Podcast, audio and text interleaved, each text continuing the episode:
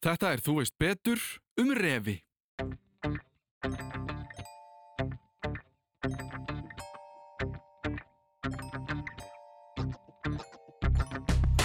Fólk ekki hætti svolítið til að sortira dýr yfir í vond og góð dýr sko.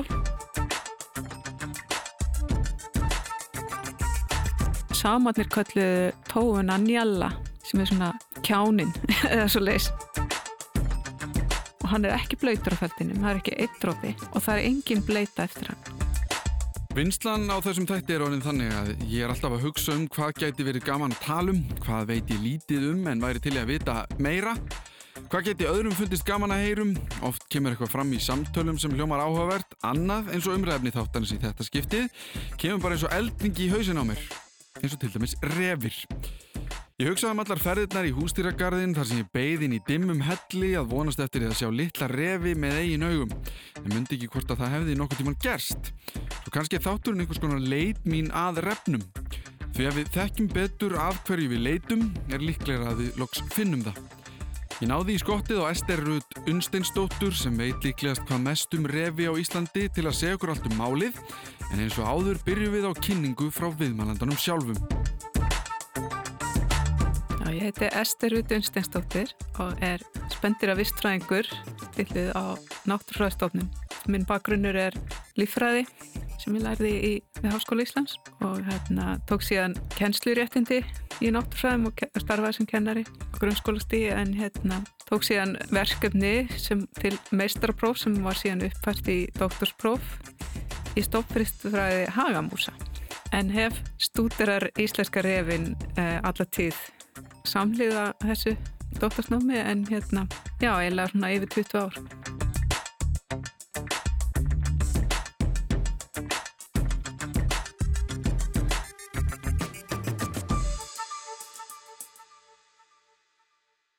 Það sem við kallum íslenski refurinn eða hérna sem er einna mörgum tegundum refa og hefur verið kallar ímislegt en hann, hann hérna heitir á einskuði Arctic Fox eða heimskautarefur, eða norður heimskautarefur hann er ekki á sögurskautinu og er útbrettur svona allt í kringum norður heimskautið finnst þarlegandi í fleiru löndum en er eina refatendur sem er á Íslandi en þessi svona algengustu og útbrettustu eru rauðrefur sem fólk þekkir vel til hérna í borgum og bæum er að segja hérna viða um álfuna og mikið refur náttúrulega Er það kannski eins og refi sem maður sér að maður fyrir London? Já. Einu svo ég refi í London og mér fannst það einmitt, það var reyndar kvöld og eitthvað en, en mér fannst það einmitt vera þann, ég hugsaði, ég kannast ekki við þennan ref Nei, það er sér dæmgerði rauðrefur mm.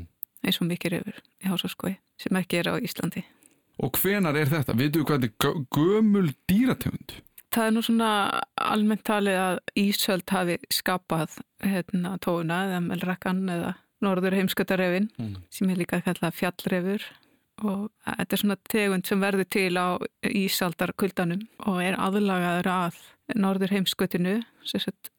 ku- mikið kuldaþól og sparsemi svona í hérna, að tapa hita bæði líkasvexti og með miklum þykkum feldi og, og svo mataræðinu svona að reyna að spara, spara orku. Þannig að hún er kleift að lifa nýrst allra spendira til dæmis á landi. Hvenar er þetta eins og Já sko, til Íslands vantarlega kemur þetta dýr fyrir einhverjum þúsundum ára þegar Ísaldar jökullin sem að náði alveg allaveg svona eins og við myndum segja mi- miðjun á Evrópu núna London, Paris og eitthvað þannig að söðrættir mm.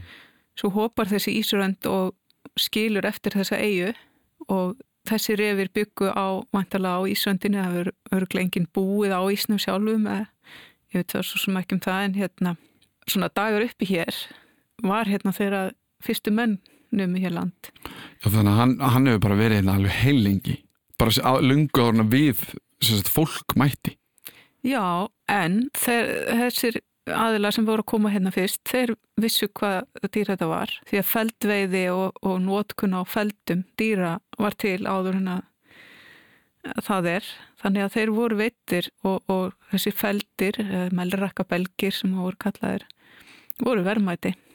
Þannig mögulega, mögulega voru kannski einhverjur að veiða hér yfir áður en að menn settist hér að en að mistu kosti byrjuðu þeir á því strax. Og hvert er svona samband okkar við refin í gegnum tíðina að því ég hef aldrei séð ref sko. ekki með berum augum eitthvað út í náttúrunni. Ég man ekki svona hvort ég hef séð hann í hústýragarunum þeir eru ekkert sérstaklega gjarnir á það að vilja láta skoða sig. Sko samband manns og refs er mjög svona fast gróið inn í íslenskan kultúr og, og íslenska sögu og íslenska menningu og það hefur nú lengst af verið svona svolítið haturssamband. Því að það kom snemma upp svona samkjöfni millir manna og refa um svona fæðu þeir eru svona að geta sama feskan, fögl og egg og, og svo komu menn með búfja með sér og kannski ekki búin að hýsa það almeinlega og ég veit ekki alveg hvernig ástandið á því var en, en refir þóttið snemma svona leiðtækir í að stela sögfið og löm, nýbornu lömpum og öðru slíku þannig að það hefur verið mjög svona náið samband þannig á milli sem að má finna í, í heilu kvæðabálkonum í gegnum aldurnar.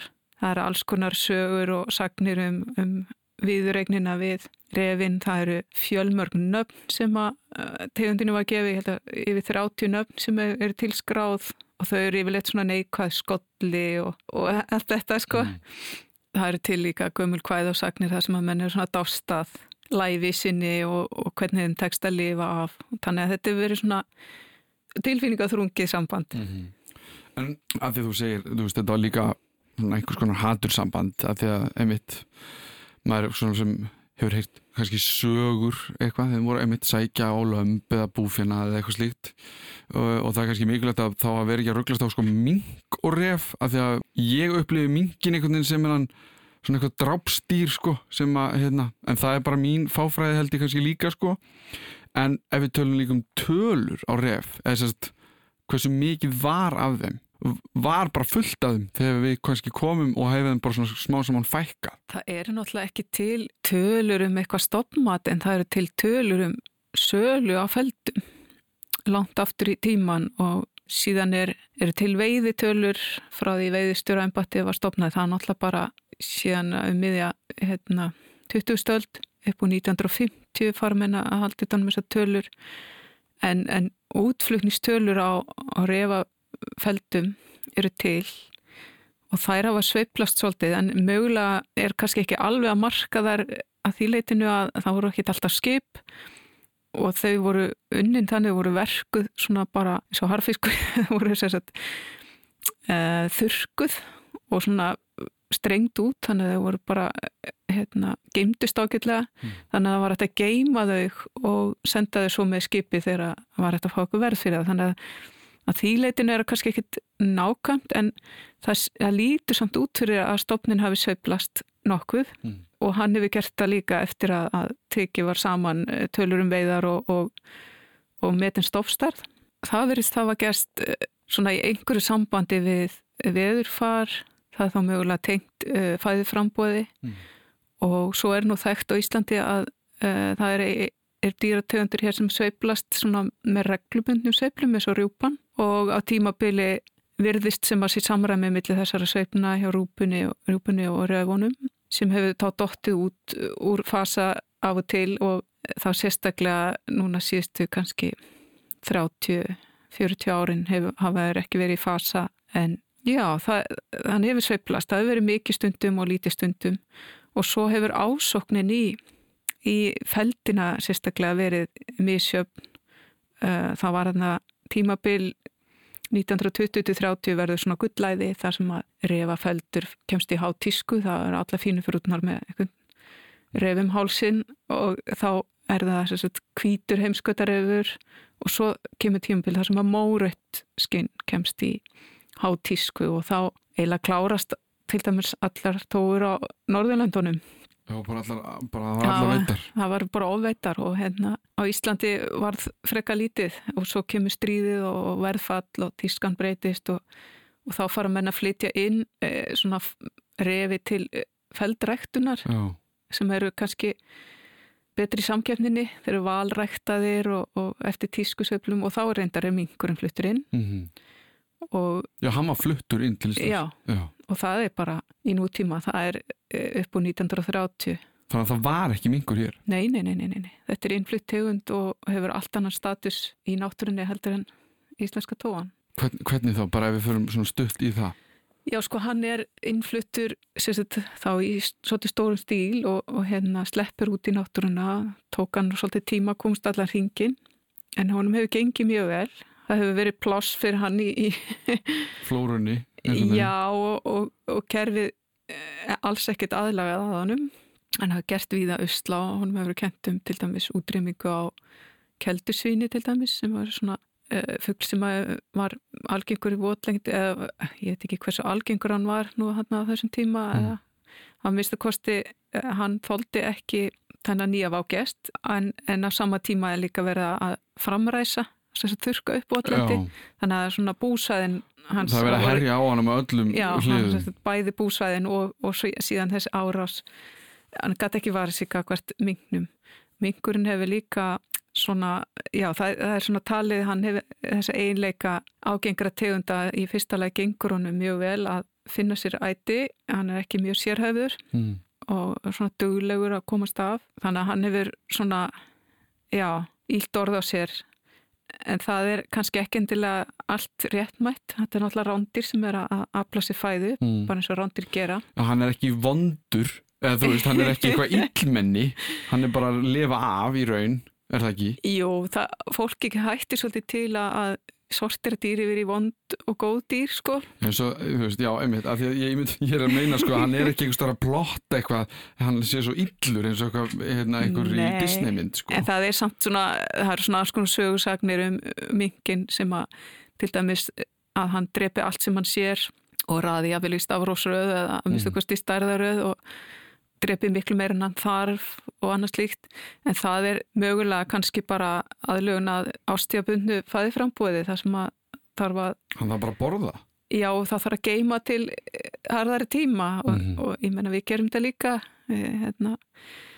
já þetta er að misa kosti svona dýr sem drepa önnur dýr þau eru ekkit endilega grimmar eða verri. Mm þau eru bara gera það sem þau, þeim er eðlislegt að gera. Þau eru rándýr, þau þurfa að drepa sér til matar. Mm en það er nú oft hannig að týr sem að drepa sér til matar þau eru líka ræjætur og þau hafa mikilvæg hlutverki að gegna í vistkerfum. Það er oft talað um að, að svona gott ástand á efstu þreppónum í vistkerfunum sem eru efstir í fæðpyramítanum eh, ef það er gott ástand á þeim þá endur speiklar að heilbriði vistkerfisins. Það er að segja að þeir halda heilbriði vistkerfi með svona miklu lífríkir stöðilega að hári lífræðilegri fjölbreytni. Já.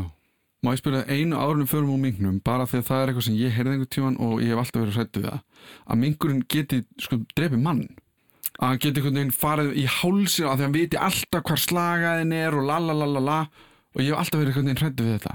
Heldur það að það sé mögulegt? ég hef aldrei heyrt þetta. Nei, þú er aldrei heyrt þetta. Ok, það er gott. Ég finnst þetta alveg ótrúlega, hérna, þú veist, Þetta er heimskulegt, segja það bara. Já, sko, ég menna, mús getur líka drefið mann og fluga getur drefið mann. Það hættilegusti dýrin er yfirleitt ykkur pöttur sem að... Já. Þannig að ég, ég myndi nú ekki hafa ágjörð því að ykkur mingur aðstáði, sko. Ok, mjög gott. Ég var kannski bara lítill þegar ég heyrði einhvern segja þetta, sko, að það mingur geti, hann vissi alltaf hver eitthvað, hvert hann hætti að fara eða eitthvað. Já. og þá væri það bara, já hann veit alveg hann fyrir bara í hálsinu og þetta búið. Já, þú ert náttúrulega stór og mikill maður og einna, þú myndir nú ekki bara leif einhverju mingi bara Nei, ég hef ekki haldið það. Ég, ég hef aldrei lettið ming en ok, þá erum við búin með hérna, en sko, refurinn ef við förum aftur í hann, sko mingurinn er fluttur inn, hann er ekki þú veist, þetta er ekki hans náttúrulega umhverfi en refurinn, vorum við eða erum við, eða höfum við verið með svona, hvað heitir það, svona loð bara að rækta þá til að búa til felda Já, já. Er uh, það, ennþá eða? Nei, það er ekki ennþá sem betur fer. Já, eins og ég sagði þá, þá upp úr 1930 þá fara menn að flytja inn dýr til feldræktunar einsar hérna gerður að dýrum. Fyrir þann tíma voru og á, sérstaklega á þessum tíma sem ég nefndi sem var svona hæsta verði fyrir meðlrakkarskinn þá fórum menn að prófa að taka yrlinga af grænjum sérstaklega ungana þeirra, kolpana og ala þá þáka til að feldurum var góður í umviðja vettur og þá að hérna, aflífa þá og verka skinnin mm. og þá voru svona forverar þessara refabúa þetta voru svona kannski girðingar jável eigjar og þá voru refir til dæmis í Vestmanneum og í flottum fuggla eigum sko sem að maður myndi aldrei láta þetta eftir huga að sleppa einum ref á. Mm. og þarna var eh, feldverði svo rosalega hátt að þá var eh, jáfngildi kannski áslaunum þínum.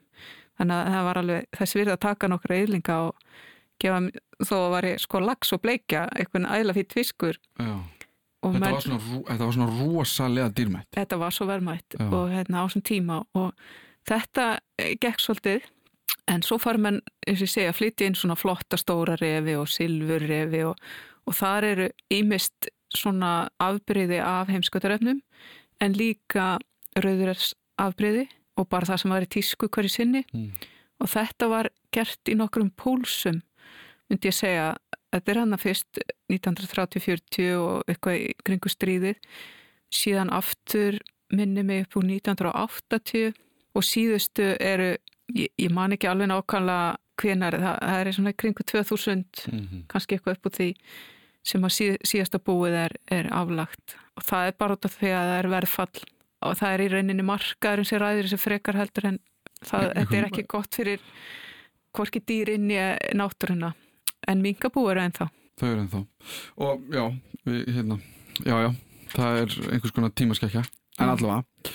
Og refurinn þá hér, sko, ef við erum kannski komin að ef að síðasta hann svona búið er aflagt hann einhvers staðar, segjum bara í kringum 2000 eitthvað, sko, refurinn síðan þá, síðustu 20 árum á Íslandi, hefur hann einhvern veginn bara náða að koma sér í eitthvað horf þar sem að hann er bara einhvers staðar út út, út í náttúrunni og við erum ekkert að pæla í honum. Við hefum alltaf verið að pæla í honum vegna þess að hérna, refa veiðar hafa verið stundar frá upphafi á Íslandi og voru með þess að skrifa inn í fyrstu lögin á 13. öld og hafa alltaf verið skrifað inn í lögin út af ímsu. Mm. Um, þannig að það er alltaf ákvæði í lögum um refa veiðar og það er ansi svona stór biti ennþá, mikið veitt, en, en tegundin er útbreytt um all land og hef, gengur bara ágætlega, eh, við erum eina landi á Norðurlöndunum sem eigum sterkan stopn af þessar tegund er að vera útrýmingarhættu í yfir 80 ár í Skandinavíu voru eitthvað nokkur hundru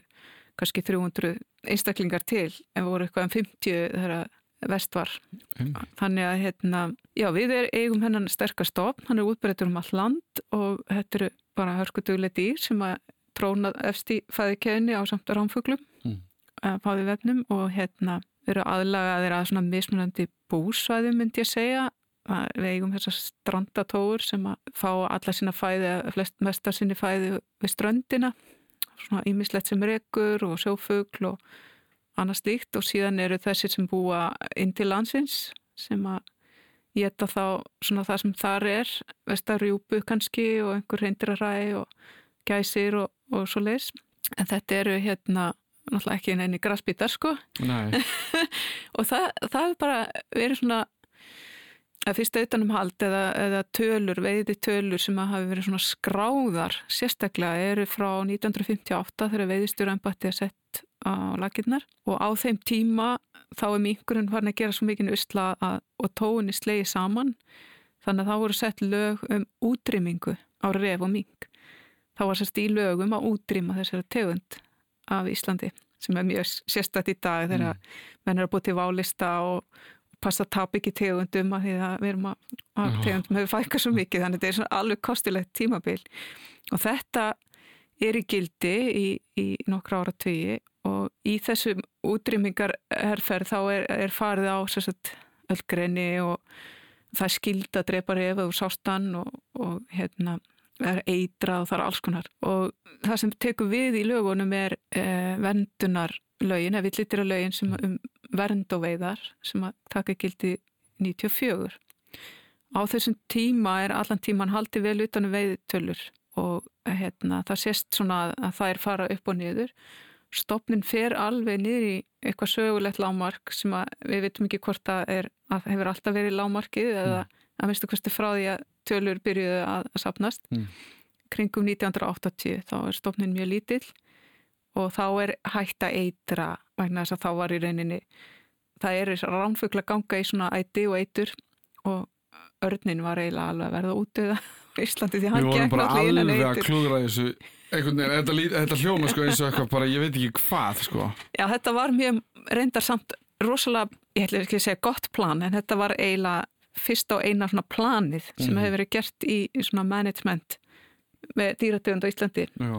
þó að hafa ekki verið gott markmið að, að útrýma refnum þá var þetta Nei, líka virkilega bara eitthvað haförnin sé allt í einu komin í eitthvað vandræði og þú veist, já, þetta er bara eitthvað svona, já, en hann hafi verið vendaður, ég held að sé fyrsta tegundin í Ísland sem er venduð haförnin. við höfum vendað hafurnin í yfir 100 ár og hérna sem betur fer það var bara til fyrirmyndar. En að mista kosti frá því 1980 um það leiti er fyrsta stoppmati gert að forvera mínum Páli Hestensinni sem var professor við háskólan og ég tók sérst við á honum að þá stækkaði stopnin hægt svona í byrjun og svo tekur hann okkra svona kippi og nær hámarki svona í kringum 19, nei, 2008 eitthvað svo leis Mm og hefur svona sveiflast aðeins síðan en, en svona í kringum eitthvað, eitthvað stöðuleika. Já.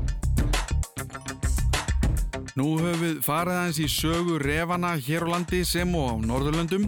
Ég fekk einnig svör við ákveðnum spurningum sem ég hafði varandi minka, sem er kannski fínt að hafa komist á hreint en það byggðar einhverju þvælu sem ég hef einhvern tíman heyrtið að lesið. Sem betur fyrir erum við hægt að rækta refi til að geta klæðist feldinum, en það allt slíkt algjör tímaskekkja. Við erum ekki ennþá vikingar sem þurfum að halda okkur hita með skinnum dýra. Þetta er nóga fatnaði til að þjóna þeim tilgangi. Við fórum aðeins of geist í baráttu okkar við refin, útrýmdum næstum haverninum í leðinni, en sem betur fyrir áttuðum við okkur áður en að það var orðið of seint. Ég hef oft hugsað um refin sem skrítna hundategund og nú þegar við vitum söguna er ekki tímabært að vita meira um dýrið sjálft.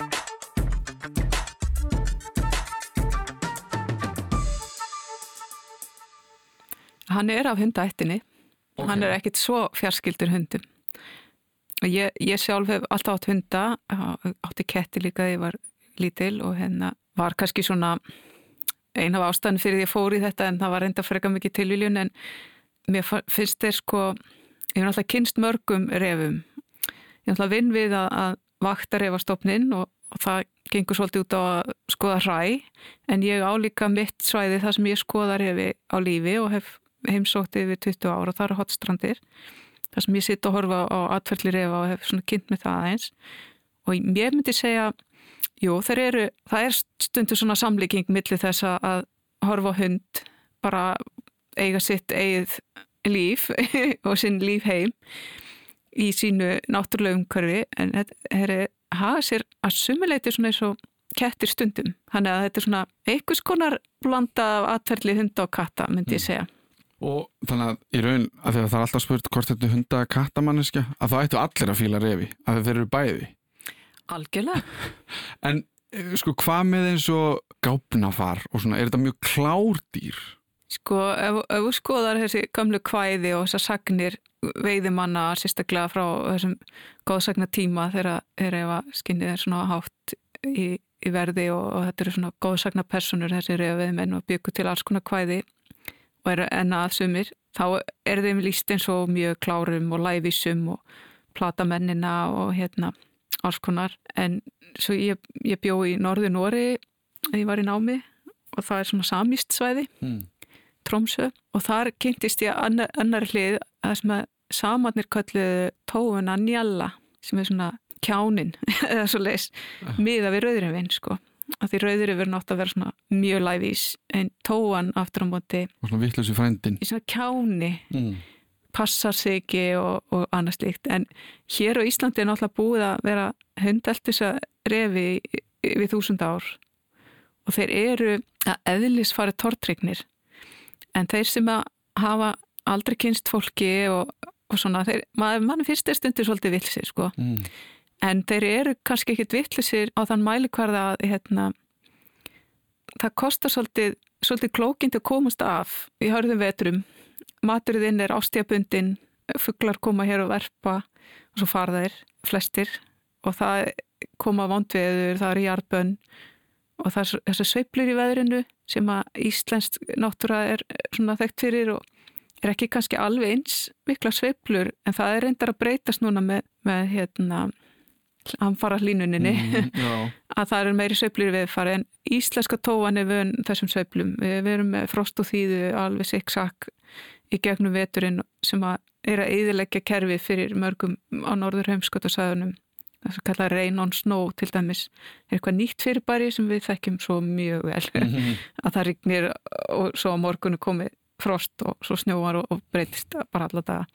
Þannig að, að komast af þú, þú sést að þeir, þeir fæðast það er, er sérst þannig að þetta er þetta eru einfarar, þetta er ekki svona hópdýr, svona eins og úlvar sem lifi í flokkum, heldur er þetta kallaðir einfarar og parið makast til lífstíð sem er reyndar að það er undatækningar og öllu, maður sér stundum eitthvað sem er mjög dúbjus og passar ekki alveg inn í þetta yngvennis fyrirkomulag en þau hittast sagt, þarna í mars, þá er fengið tími og það er bara einu svona ári og svona það er svona einhverja serimóniur ef þetta er í fyrsta skipti þá, þá lætur læðan hérna, stekkin, stekkurinn er sem sagt kaltýrið, sína sér styrk sinn, lætur hann hlaupa mikið eldir sig, Mhm. elda sig og, og hann færir henni stundum eitthvað svona að reyna að sína Og svona sanna sig. já, já. Góður, góð gæi og sterkur og hérna síðan sagt, hérna, ef þau ákveða að makast þá þau strax í að útbúa sér óðal, að merkja sér óðal svona merkja svo hundar gera Mhm. á allt sem stendur upp úr og það er ekki mikið sem stendur upp úr í Íslandi það er bara engin tre og engin brunahannar út í náttúrinni þannig að þetta er oft svona einhverjar fugglaþúur sem ég held að sé refaþúur og eitthvað sem stendur upp úr og, og svo hérna þurfa þau að fara um þetta og þau merkja bæði. Síðan gítur hún og það, þá er það kannski svona miðjan, miðjan mæ, eitthvað svo leis Og hvað er meðgangan þá löng? Hún er ekki hún er þá... tæpir tveir mánuðir eh, já, aðeins stittra en hjá hundum. Kannski fyrir svolítið eftir hversu ung hún er. Ef hún er mjög ung eða í vondu ástandi þá getur það tekið aðeins lengri tíma. En ef hún er, þetta eru svona sterkustu einstaklingarnir í stofninum sem að ná þessu og það þarf að vera svolítið fita á þeim en þá þannig að þær eru í raunin að ganga með á erfiðasta tímanum en fugglin er aðeins komin, bjargfugglin er komin þannig að það er svona aðeins byrja að koma eitthvað æti og síðan sem sagt eignast þessi akami í, í greinun sínu sem er kannski bara undir steini en, en sumir eiga mjög flott óðal með mörgum greinstæðum sem geta bara valið. Já. En þetta eru, þau grafa sér ekki án í jörðina eða hvað? Sko það er alveg til svona grafin greini en, það reynsa það svona oft út en mörg greinin eru ævagömmul og þau, þó svo að refurinn sé, sé veitur þá er greinið alltaf friða og, og það, þau eru strángfriðu það má ekki skemma neinn greini Mm. þá bara í lögum. Það er til þess að veiðumæðurinn geti alltaf komið á sama og það var að hugsa þannig upp á því. Já, einmitt. En það, þarna sagt, alast yðlingarnir upp og þeir eru svona fjóri til sex að jafnaði og á Íslandi er þetta bara mjög svona stöðugt, stöðugu fjöldi. Og er fjölskyldan, ef við segjum það, er hún alltaf saman? Já, þetta er sérst fjölskyldan á þessum tíma sem við kallum grenja tími. Það er að segja á meðan að þeir eru litlir, þá eru þau saman. Þeir hættu að spina eitthvað sjö vikna, meðan júli eru þeir hættu að spina yfirleitt, oft fyrr, Mm. fyrir eftir þeir eru. En þeir halda saman á þessu stað og báði fóreldrarnir þurfa að veiða og gefa þeim æti og færa þeim mat. Þeir vaksa mjög hratt og þeir eru búin að ná fullóri stærði í september. Águst september er ánir Já, konið fulla stærð, fjóri mánuðir það eru reyndar en þá ekki konum með fullorstennur Nei, geta ekkit veitt almeinlega en þeim er svona kasta út á guð og gattin á þessum tíma þá hvernig? Af því að þá segja bara mamma og pappin bara, herru, nú er þetta búið. Nú er Já, eða hvað? það er ekki alveg nákvæmlega að vita hvað gerist þarna fyrst fram, að, fram í mars en það, það sést samt alveg að við höfum náttúrulega mikið af upplýsingum frá veiði það sést að, að dýr er að veiðast saman við sama á veiðistað Mhm. kannski sett út æti, agn eða eitthvað þeir eru að veiðast saman þarna alveg fram í september, oktober jáfnvel fram á jólum eru það svona að halda sig á sama stað sumir fara eitthvað aðrir halda sig á sama stað en það er klárlega engin að hjálpa þér skilur það, það er ekki verið að, og við sjáum það bara strax í ágústa fóröldrarnar hættir að gefa þeim En eru fóröldarnir hætt saman? Eru þau fann í sér hvort lag? Eða halda, eru þau eins og áldir og eru bara alltaf saman? þau eru ekkit alltaf saman og þau, þau eru ekki mjög náinn Nei. og það er mjög mikill einstaklismunur á þessu. Stundum erum við með par sem að er rosalega svona, myndi ég segja, náinn, alltaf saman eða Mhm. kíkja eftir hvort öðru svona. Og stundum er- verðist einu samskiptin vera bara þegar þau eru að makast. Því að þegar þau koma með mat heim á greinni til þess að gefa ylgunum þá fer oft, ef að, að stekkurinn kemur Mm þá fer hann stundum bara strax aftur. Eða mamman hún kemur leiðið um að drekka. Hún er ennþá mjölkandi svo fer hún strax en svo er þetta mjög breytilegt við hefum séð sérstaklega eftir, í kringum tímabilið sem það er að hætta að spuna þá kemur pappin meira og leikur meira við þá og, Mhm. og ég hef svona fylgst líka með nokkrum grænjum þar sem eru að skoða atverðli og það virðist vera svolítið fæðu tengt þessi ríku refir sem Mm. eiga flott óðal með fylgta mat þar eru yflingarnir oft stærri og sterkari og það er meiri leik, leikur meiri aksjón Mhm. En svo er aftur svona fátækari greni eða óðöld þar sem að þau eru bara stanslust að reyna að finna einhvað, skrapa einhverju saman. Það gefst enginn tími til þess að leika? Gefst ekki, og það er engin orka. Nei. yfirlingarnir leika minna. Og ég vil dreipast kem, eða kemst náttúrulega aldrei allt á legg. Nei, einmitt, ég það er ætla að spyrja um það líka sko. Að er, er mikið einmitt um að þú veist, þú veist, sex fjóri til sex yrlingar er það alltaf mikið, ok, þetta eru frekar margir af því að það muna alltaf einhverju tveir eða eitthvað ekki lifa af. Já, það er náttúrulega þannig í náttúrunni að erfiðasta árið fyrsta árið og langt fæstir komast það langt að geta eignist afkvæmi. Og í svona kerfum sem eru svona gömul og rótgróðum kerfi þá er oft komin einhvers konar aðlögun að þessu. Og það verður alltaf að vera eitthvað umfram magn hérna, nýliðun til þess að standa móti hérna, dauða mm -hmm. Er sérst, þannig að millistíð er sérst, hvað eru margir sem fæðast, hvað eru margir sem deyja og þá er það í rauninni enda produktið er hvað er stofnin, hérna, hvernig er það samsettur núna og það eru náttúrulega lang flestir sem drepast á fyrsta ári en Mhm. það eru líka lang flestir sem eru á lífi eru ung dýr og hérna þannig að það er, það er ekki margir sem að ná að lifa uh, nógu Lengi. lengi skilur við Uh, en byrju af hverju? Bara ef maður skoða sko vöktun, vöktunagögnin við fáum sem træ frá veiðmönnum og mælum ymsa hluti. Sem eru bara að veiða refi já, út af hverju? þeir fá greitt fyrir að veiða refi frá sveitafélagunum sem þau búi og það hefur alltaf verið þannig. En af hverju? já, það er góð spurning. Það er, uh, lagalega eru þessi dýr friðu þessi öll dýrin átturinn eru friðu fyrir Mm. þetta minkin síðan er undan þá ákvæði í þessum lögum sem kallum villítira lögin að ef dýr eru talin valda tjóni þá er hægt að sækjum Mm undan þá til þess að veiða þau Þannig að þá er þetta af því að það, þau eru talin valda tjóni já, það er svo kvöldu tjónadýr Já, sem að þá Þú er að tala um lömb eitthvað, það er verið að ganga á eitthvað sem við eigum Er Já. það ekki? en það, það er þannig að Það er hvað tjóni, það er ekki eins og þessi að spreyja einhverja veggi og eitthvað nei, nei, en Eh. það er talið að, að sagt, í, í lögunum er það þannig að, að það er sagt, þessi tjónið er sagt fórsenda mm -hmm. eða því meinta tjón sem hefur reyndar ekki verið metið Mhm. eða verið lagt en er svona, ég held að sko væri gott að gera það sko Já, Eða fá, væri- fá þetta ekkert hreint galið að gera já, það. já. og reyna þá að svona beina veiðanum að því hvað þetta tjóni er, á hvað tíma er þetta æðavarp eða er þetta, Mhm. Já, þetta söðburður er þetta eitthvað annað Mhm. Og reyna svona kannski, en það, það er þannig að sveitafélag sjá, þessi umhverfstofnun hefur með veiði stjórnun og veiði eftir þetta að gera og sveitafélagin sjá um framkvæmdina Mhm. og gera upp við, við á náttúrfræðstofnun áður var það Háskóli Íslands fáum hluta þessara afla og þessar tölur allar Mhm. til þess að vinna með uh, stopmati. Og ég greip fram fyrir þér en þú varst að tala um aldurinn, við vorum að tala Já. um hann, varandi hrægin Þetta var Já. svona smá hérna, Fyrst, fyrsta ástæðan fyrir því að þessi, þessu var skilað inn var til þess að reyna að meta stoppstærina og þá notuð aðferð sem er svipuð og, og bara að vera að meta fiskistofna Mm. þar sem eru taldir hérna ringir eða línur í kvörnum í eirum sem maður hlaðast upp á, á æfiskeiðinu eins og trjárringir og það er sama með refina. En okkur? Já, það er þetta sérst rætur í tönnum. Ok, alltaf lærum maður eitthvað Já, nýtt nokkanlega. Ég held þetta sé alveg hægt að gera þetta með mennsku en Já. með refina þá var alltaf fyrst skilaðin bara kjálkanum mm.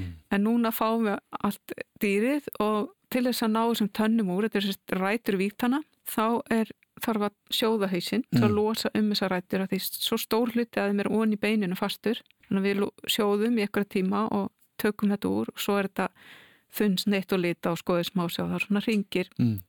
eða línur og þá getur maður talið hversu marga vetur þetta dýr lífði Mm. og svo veit maður hvernig það fættist og við erum svo heppin að hafa þennan fixeraða hérna, fengitíma Já, já. þannig að það er eiginlega allt dýrin fætt í sama mánuði cirka bát árinu þannig að við getum alltaf aldursgreint dýrin Mm. og elsta dýri sem hefur aldursgreint við við erum konið 12.100 núna frá 1979 og það er alltaf ekki búið að aldursgreina öll 12.000 en, en talsveit mörg við erum, all- erum alltaf svona eftir á í þessu eitt 13 ára nokkur 12 ára slatti af 10 ára en langflest eru bara eins árs Já, er það? Og hvað er það sem veldur? Sko þessi sem að, dýr sem að fæðast þarna, ef maður byrja, heldur áfram með lífs, ásringin þeirra, fara út í veturinn með batnatennina sínar og þurfa að lifa af. Og það er nú slatti mikið að geta til að byrja með og þau eru vel haldin og það er ennþá til hræ svona fram inn í veturinn. Og þau týna ber, þau geta alls konar pöttur og ef þau hafa aðgangaströndinni þá er það alltaf ykkur að marflæðir og mís hljóta að vera Já, líka mís á haustin sérstaklega. Þá er, er nóg að músum. Og það er bara þetta sem tilfellur. Og svo fer vetrafeldurinn að vaksa og, og það þarf, þau þurfa helst að vera að koma með svolítið gott fytulag svona fyrir áramót. Mm. Það er svona mögulega kannski svona fyrsta, fyrsta afföllin svona þeirra fer að harna í ári eins og núna. Mm Síðan er það þannig að í mars þegar að fengitímin er þá virðist fytu, við, við mælum þetta fytulagi í hræðunum líka, virðast fytulagi vera svona, að fara að ganga ansi mikið á það. -hmm.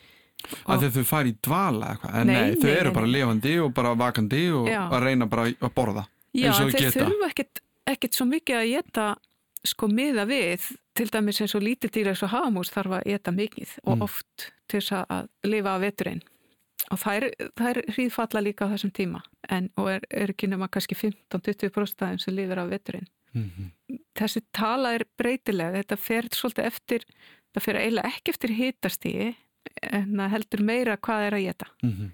því ef það til nóg að geta þá, þá gengur allt vel. Og þau þurfu ekkert svo mikla orku til þess að- halda sér hita. Að því feldurinn er einn mest einangraði feldurinn í dýraríkinu. Og til dæmis bara sem dæmi þegar ég sitt, sitt að vetralagi og horfa refi þá verður snjórin undir mér blöytur bara að minni útgöfun og mér sé þótt í standi þá, þá bræði ég snjóin undan mér. Já. Og svo, svo sitt ég kannski fjóra tíma að horfa á ref sofa í snjónum. Og svo stendur hann upp og hristi sig og lappar í burtu. Og hann er ekki blöytur á feldinum, það er ekki eitt dropi. Og það er engin bleita eftir hann. Þeir tapa engum hita á hút það er bara þannig. Þannig að þetta er alveg óbúslega vel hefnað, hefnu líkamsgerð. Já. og þó svo að þau fara ekki dvala sem þau gera alls ekki þetta, eins og ég segi, þetta er það dýr sem að lifir næ, næst norðupólnum með þess að norðar en grítabjörn Mm. Þá hérna, geta það hægt aðeins á þau þurfi ekki að auka efnaskipti sín til að halda sér hitta Mm. af því að feldurinn er svo vel einangrandi. Hann bara heldur þessu er, það er eiginlega bara eitt dýr sem hefur eitthvað svipað vel einangrandi feld og það er sæótur sem lifir einmitt í miklum kulda. Og svona fjöldi hára á fersentimetra er á þessum tveim dýrum er 40.000 hára eitthvað svolítið það, það, það er bara alveg svaka mikið. Einmitt. það er alveg svakalega mikið. En það, og þeir svitna ekki. Þeir verða bara að opna kjaftin og mása og hérna eins og þú sér hundastundu gera. Mhm. en hérna þeir myndu bara kapna úr hita ef þeir myndu ekki fella síðan þennan feld á vorin. Þannig þeir eru með sumarfeld og vetrafeld Þannig að þetta snýst í raun bara rosa mikið um hvort þeir lifi af veturinn í. En þessi þre- 12 og 13 ára dýr, voru þetta bara einhver, þetta er svona uník, þetta er algjörlega uník sko. já, ég ég, meina, myndi segja að það sé brota brot þannig að það er rosa, þetta er rosa hröð svona, hvað segir maður, á einsku verða turnaround, já, en þú veist, þetta er, er, þetta er ekki mikið öldungum, eitthvað í kring, þetta er daldið svona, Nei. daldið ung tegund, einhvern veginn.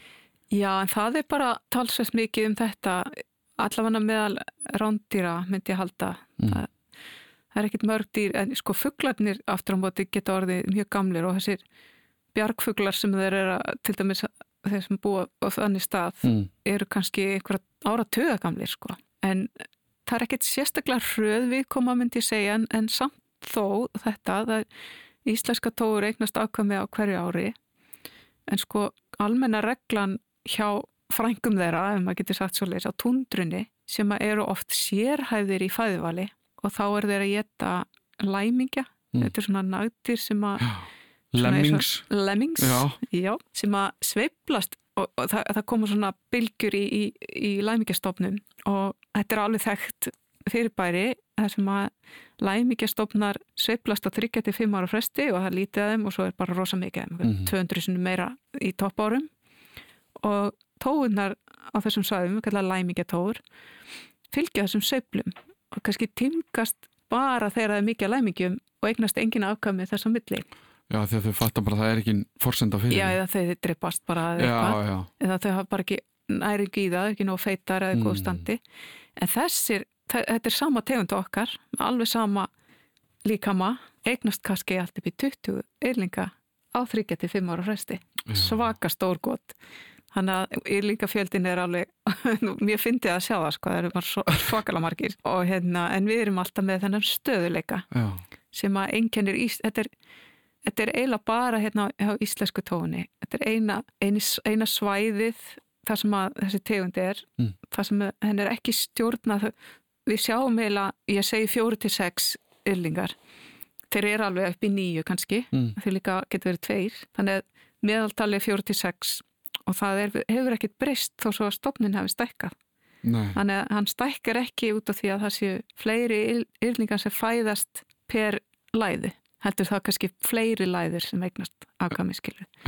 Þannig að það er, það er líka hluti af þessu sem að kemur í ljósatni mass og maður getur séð líka á sem veiði tölum að það er svona þjertleikamál, ef maður getur sagt svo leis, eða nóga fæðu sem að hefur verið undan farin ári í, línandi viðfari, að þá er pláss fyrir fleiri svona óður eða fleiri svona greni, skilur þannig að það er að búa þjertar svona eins og bara á Manhattan já, já. og þau er ekkert svona territorial Jú, þau eru það sko, en já. þau þurfi ekki einn stort svæði ef það er nú æti þá er pláss fyrir fleiri óðul sem þýðir það þá að það eru fleiri pör En eru mikið slagsmálum innbyrðis? Það er eitt af því sem að líka vera að skoða. Ég náttúrulega kannski er, mitt svæði er svona svolítið ekstrem svæði en á hotströndum mm. þar sem ég hef líka fylgst með reyfunum í mass á fengi tíma. Það er yfir þá sem að slagsmálun eru og það er nú eiginlega kannski algengar er vegna þess hvað er mikil þéttleikið þar að við, við erum kannski að skoða bara á fæti svæði sem er kemst yfir á einu degi sem er kannski sex óður. Í staðin fyrir að inn á hálendinu kannski ertu einn dag að fara á milli yfir eitt óðal. Geti verið sko. Já. og ég hef líka verið á Svalbardha aðstofa við hefuvöktun og þar gengum við að milli óðala á deg eða eitt óðala dag. Já. Sem að mér fannst bara mjög skritið sko. En ég er náttúrulega verið þessum mittla þjertleika og þá eru samskiptin miklu meiri. Og það er alvegandi jafnvel slagsmál eða það er einhver svona mikið hormonum í gangi á þessum fengitíma mm -hmm. og tensjón og hef, við höfum alveg orð, orðið vittni að slagsmálum mm. og ég vel bara það sem að annað lifið ekki af sko. Og þá er það bara að að þú, þú veist, þetta er, er þetta hérna darfinn bara eitthvað svona hæfistu lifa af pínu, eða þú veist, er það ekki? Þú vilt bara fá fæðina og þú vilt fá besta svæðið og ef þessi er hérna eitthvað ógna því að þá bara Já, gýrð eitthvað. Og, og Darvin er náttúrulega bara í öllu sko allstæðar eh, það gengur allt, á, já, gengur allt út á að lifa og koma sínum gerinmáliðis og eiga sem mest fyrir sig. Já. það er engin að hjálpa.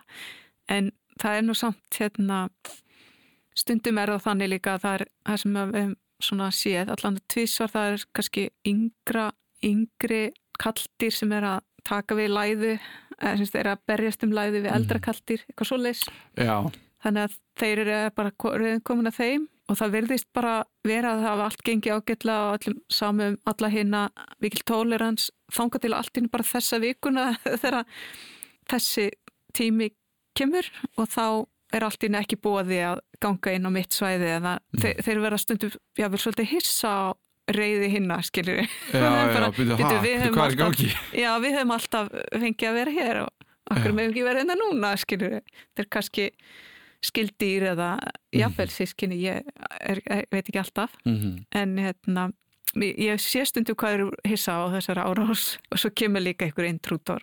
Það, það er allt mögulegt í gangi og geðveiki er líka til, ég hef alveg séð það sko, bara einhver sem gengur um og dreipur alla eða. Já, bara störtlast bara eitthvað klikkus og ég menna það gerst alveg þarna líka sko. Áhugavert. Ég viðkenni að því meira sem ég heyri um revin því merkilegri finnst mér hann. Eins og til dæmis þetta sem Ester nefndi varðandi hversu ótrúlega vel hann heldur á sér hita. Hversu þykkur feldurinn er sem útskýrið þó á sama tíma kannski hvers vegna hann er svona eftirsóttur þegar við áttum ekki aðra kosti varandi fatnað sem heldi á okkur hita. Það er kannski álita mál hvort refunum sé klára eða vittlus en hann verðist líka bara vera jafn mismunandi og við mannfólkið. Hvort þau haldi sig saman og hjálpist að eða líti bara á þetta sem verkefni sem þarf að klára er líka einstaklingsbundið en það er eitthvað við þá staðarind að á þeim óðulum það sem nóg er af mat er meirum leik sem rýmar svo mikið við okkur mannfólkið. Það sem þarf ekki að vinna jafn mikið einugist til þess að komast af er meira um gleði og leik. Það er enda smá furðulegt hvað ég hugsaði oft um okkur mannfólki þegar við tölum um refina. En áður við klárum yfir fyrir okkar um refin langaði mig til að tala eins um framtíðans. Hvernig ætli hún líti út?